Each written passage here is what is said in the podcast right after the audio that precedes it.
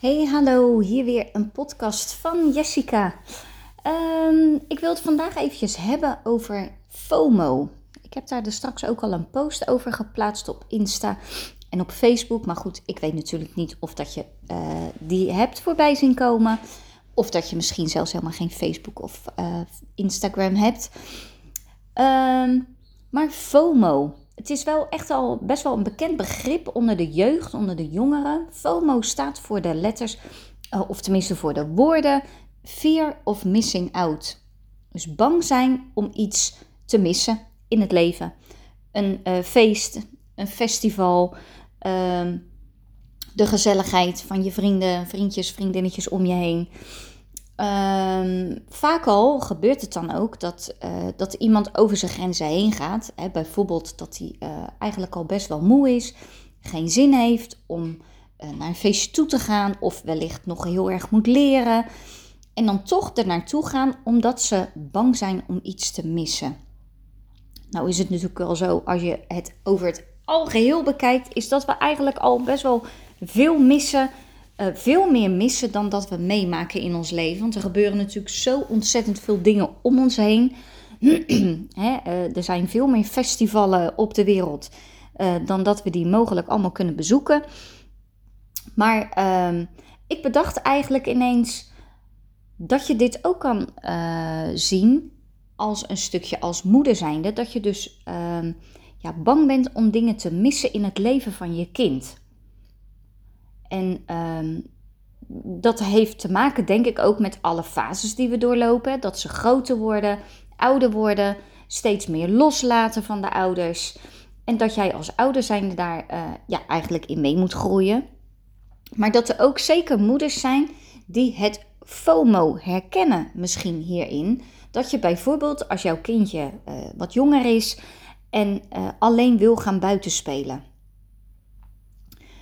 dat uh, is ook een stukje loslaten, maar het zou ook zo kunnen zijn dat je echt bang bent om dan dus dingen te gaan missen.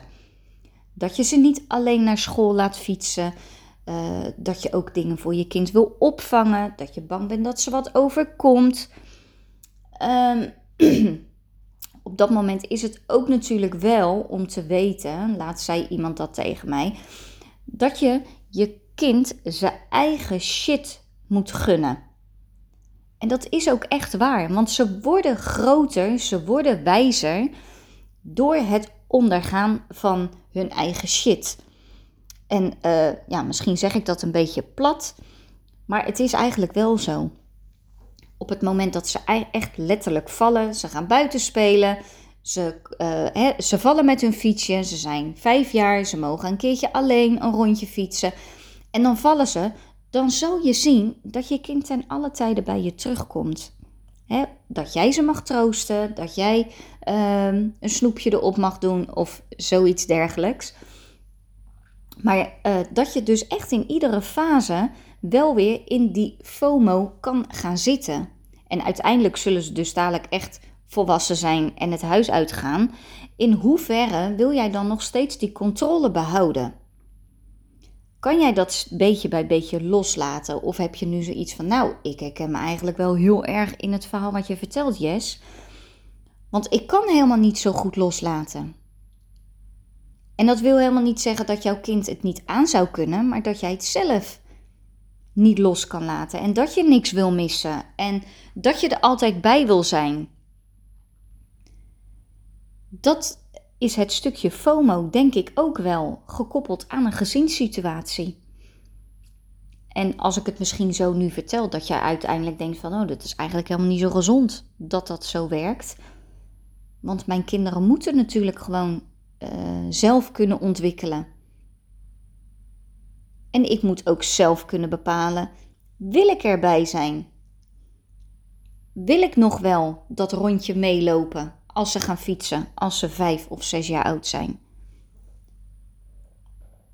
En wil je ze nog wel brengen naar uh, school als het heel erg regent en ze zitten al op het voortgezet onderwijs?